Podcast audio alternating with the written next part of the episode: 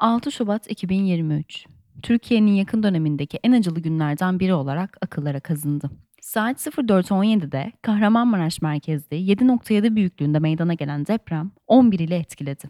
Bundan 9 saat sonra saat 13.24'te yine Kahramanmaraş'ta meydana gelen 7.6 büyüklüğündeki ikinci depremde felaketin boyutunu artırdı. İlk depremin ardından yıkılmayan binalara sığınan binlerce kişi bu depremdeki yıkımla enkaz altında kaldılar. Depremler Adana, Adıyaman, Elazığ, Hatay, Kahramanmaraş, Gaziantep, Kilis, Malatya, Şanlıurfa, Osmaniye, Diyarbakır illerini etkiledi. Kentlerdeki büyük yıkım ve enkaz tüm Türkiye'yi seferber etti. Türkiye seferber oldu ancak kurumlar ortada yoktu. Asker, AFAD, sağlık görevlileri, itfaiye, polis kimse saatlerce sahaya çıkmadı. Dakikalar saatleri, saatler günleri kovaladı. Halk koca enkazın ortasında yalnız kaldı, birbirine sarıldı. Yaklaşık bir gün sonra sahaya çıkan ekipler arama kurtarma çalışmalarına başladı. Hatay'daki yetersiz çalışmalar sosyal medyada sıklıkla dile getirildi.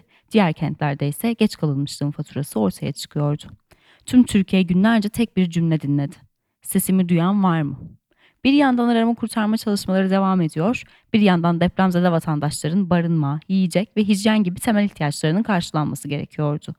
Bu sürede STK'lar ve Türkiye'nin birçok ilinden vatandaşlar depremzedelere destek olmak için kentlere akın etti. Çadırlar, konteynerler, seyyar tuvaletler, gıda yardımları organize ediliyor, düzensizliğin içinde bir düzen aranıyordu.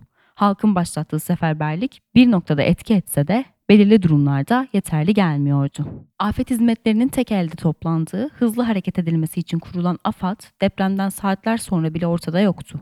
İş makinesi bulamayan, yardım istediği askeri, polisi de yanında göremeyen halk enkaz altındaki yakınlarını kurtarabilmek için Şubat'ta tırnaklarıyla toprağa kazdı. Devlet nerede sorusu kurumlar neredeye dönüşüyordu. AFAD'ın yetersizliğini Kızılay'ın çadır sattığının ortaya çıkması takip etti. 99 depreminden sonra toplanmaya başlayan deprem vergilerinin ne olduğu sorusu akıllarda yer etti. Bir yanda yıkılan yeni binaların müteahhitleri, yapı denetim şirketleri, ruhsat veren belediyeler sorgulanırken bir yanda ise yıkılan eski binalar için imar affı tartışılıyordu. Yetkililer deprem bölgesinin bir yıl içinde toparlanacağı sözünü veriyor. Henüz geçici konutlar tedarik edilmeden uzun süreli inşaat çalışmaları başlatılıyordu. Günler haftaları, haftalar ayları kovaladı. Depremin üzerinden tam bir yıl geçti. Peki verilen sözler tutuldu mu? Deprem bölgesinde geçen bunca süreçte neler yapıldı? Cumhurbaşkanı Erdoğan 8 Şubat 2023'te depremin vurduğu 11 ilde toplu konutları bir yıl içinde tamamlamayı planladıklarını belirterek ilk etapta her aileye 10'ar bin liralık destek vereceklerini söyledi. Bir yıl içerisinde de aynen diğer felaketleri yaşadığımız illerde nasıl hemen toplu konut idaresi olarak bu operasyonları yaptıysak, gerçekleştirdiysek aynı şekilde Kahramanmaraş ve diğer 9 ilimizde de bunları gerçekleştireceğiz. Erdoğan 31 Mart'ta 319 bini bir yıl içinde olmak üzere toplam 650 bin yeni konut yapılarak depremzedelere teslim edileceğini söyledi. 25 Ocak'ta Anadolu Ajansı'na konuşan İçişleri Bakanı Yardımcısı Münir Karaloğlu, kura çekimi için hazır olan 46 bin konutun 40 bininin şehir merkezinde, 5 bininin de köylerde olduğunu 6 Şubat itibariyle anahtar teslimine başlanacağını söyledi. Tüm bu açıklamalara bakılırsa bir yıl içinde 319 bin konut teslimi hedefinin 46 bini gerçekleştirilebilmiş olacak. Açıklamaların ilk günlerinde de konunun uzmanları bu konut teslimlerinin hızlı gerçekleştirebilmesinin mümkün olmadığını vurguluyordu. Bu endişelerin haklı olduğu da ortaya çıktı. Zira bahsedilen konutların yarısından fazlasının inşaat çalışmaları bile henüz başlamadı. Bölgede yaşayan vatandaşların büyük bölümü de bu nedenle konteynerler ve çadırlarda yaşamını sürdürüyor. Türk Mühendis ve Mimar Odaları Birliği İnşaat Mühendisleri Odası Hatay Başkanı İnal Büyükaşık, henüz geçici konutlar sağlanmadan uzun sürecek olan yapılaşmaya geçilmesinin hatalı olduğunu şu sözlerle anlatıyor. Binaları yapıyoruz ama altyapımız yok. Her yeri su basıyor. Kanalizasyon şebekelerimiz, su, e, temiz su şebekelerimiz, iletişim şebekelerimiz, e, elektrik şebekelerimizin hepsi şu anda zarar görmüş durumda ve bir sürü elektrik kesintisi, işte iletişim kesintisiyle e, baş başa kalmış durumdayız. Şöyle yapıldı. Bizim en büyük sorunumuz şuydu. Biz e, depremden sonra e, işte önce çadır larda barınmaya çalıştık. Sonra biraz daha durum iyileştirilip konteynerlara, e, e, konteynerlarda yaşamaya başladık. Veya e, konteynerlarda yaşatılmaya çalışıldık. Şimdi geçici barınma e, diye bir konu var. Bu geçici barınma neydi? İşte 3 aydı, 6 aydı. Ama e, bizim tahminimize göre az önce de söyledim e, en az bir 10 yıl sürecek bu yapılaşma süreci. Evet. Şimdi biz kalıcı konutları çok hızlı bir şekilde e, kalıcı konutları konuşup kalıcı konutları üretmenin derdine düştük. Halbuki biz nitelikli geçici barınmayı ki halen çözmüş değiliz. Nitelikli geçici barınmayı çözebilseydik hem şehrin yeniden yapılaşmasında doğru bir imar planı, afet dirençli bir kent için doğru planlama, işte belki deprem master planı, e, şehrin e, deprem toplanma alanları, e, sosyal dokusu, kamu yapıları için zaman kazanmış olurduk. Hem de depremin karakteristiğini biraz daha özümseyip, çalışıp, analiz edip daha depreme dirençli binalar e, tasarlamak için de zaman kazanmış olurduk. Evet. Ama biz biz nitelikli geçici barınmayı çözemedik. Bakın e, yaklaşık olarak e, 200 bine yakın insan konteynerlarda yaşıyor. Ve yaşamaya devam ediyor. Kalıcı konutlarda e, şu ana kadar üretilen e, kalıcı konutlar e, bir yılın sonunda toplam ihtiyacın yüzde üçü dördü civarında. Bu Yani Hatay bu- için değil mi söylediğiniz? Evet, evet, evet. hı hı. Çok çok büyük Yani- bir eksiklik var aslında. Tabii ki. Yani düşünün 18 metrekarelerde, 21 metrekarelerde bir ailenin yaşamak zorunda kaldığını e, biliyoruz, görüyoruz ve biz de yaşıyoruz. O yüzden nitelikli geçici barınmayı bizim bir an önce hayata geçirmemiz lazım ki halen de bu. E, kalıcı konutları yapmak, yani binaları yapmak hayatı geri getirmek anlamına gelmiyor. Bakın kalıcı konutları yapıyoruz ama altyapısı yok. E, işte kanalizasyon şebekesi yok, elektrik şebekeleri sıkıntılı, e, haberleşme sıkıntılı. Hatay'da her yer çamur, her yer toz. E, biz e, bizim sorunumuz yani o binalar illaki yapılır ya da işte cami yıkılan camilerimiz illaki onarılır, kiliselerimiz, havralarımız. Ama mesele bu değil.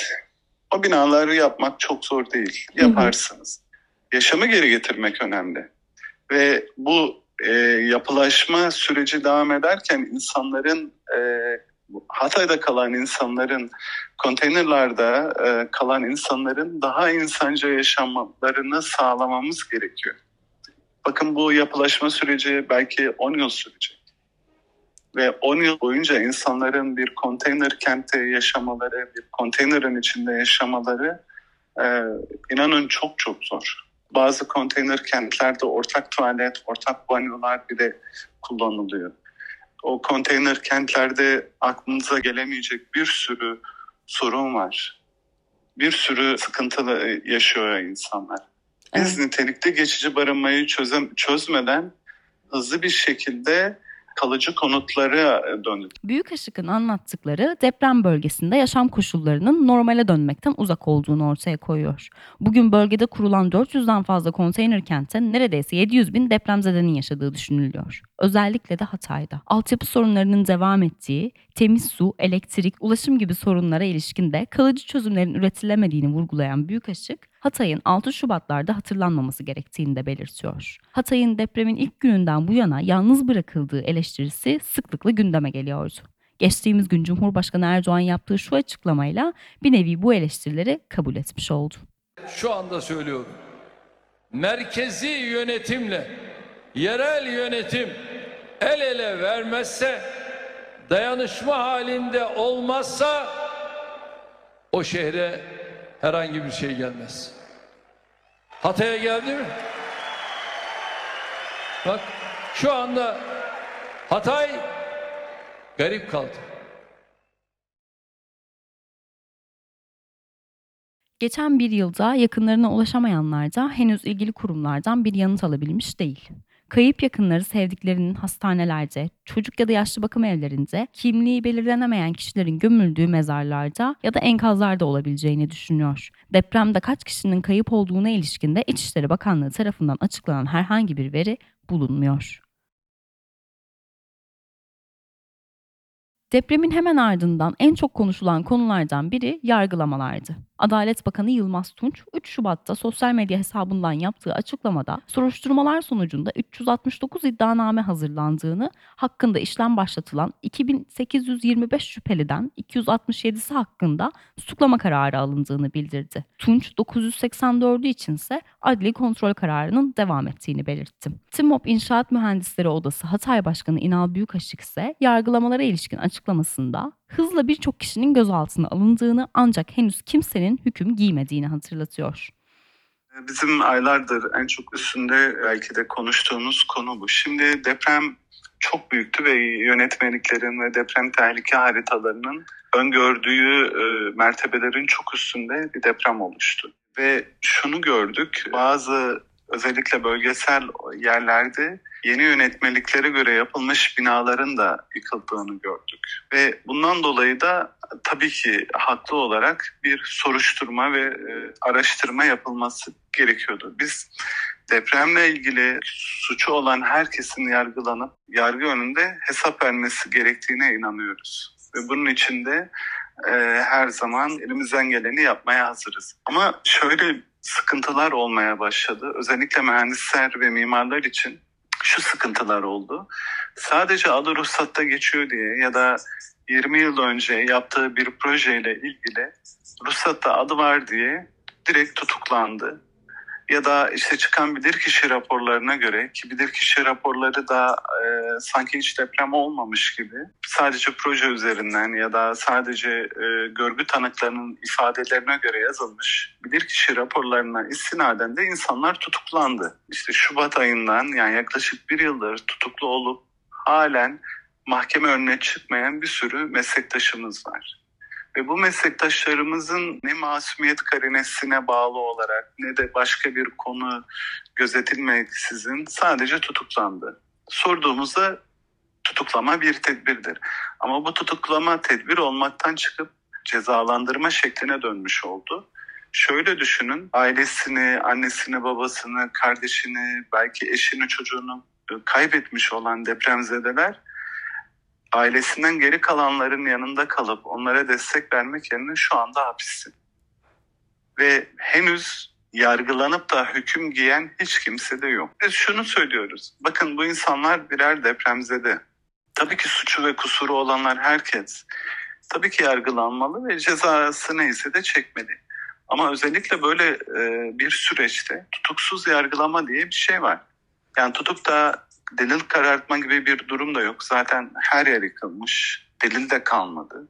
Evet. Ee, ama yani bu insanlar birer depremzede özellikle ruhsatlı binalarda bir ruhsatlı bina yaptığınızda bütün yapılan işlemlerden işte önce ruhsatını alıyorsunuz. Sonra imalat sırasında da sürekli denetleniyorsunuz. İşte yapı hı. denetim sistemiyle, belediyeyle, bakanlıkla sürekli denetleniyorsunuz. Ve işin sonunda iş bitirme tutanağı düzenleniyor ve iskan izin belgesi düzenleniyor. Ne demektir? Biz burayı gerekli bütün şartlara ve kurallara göre denetledik. Baktık ve sen artık bunda oturabilirsin.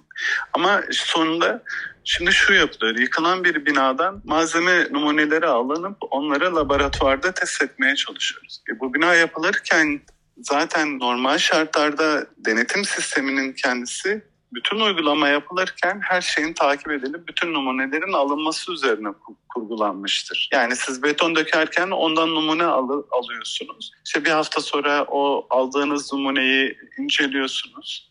E, doğruysa devam ediyorsunuz. O zaman niye biz belediyeden ruhsat aldık ve niye iskan izin belgesi aldık?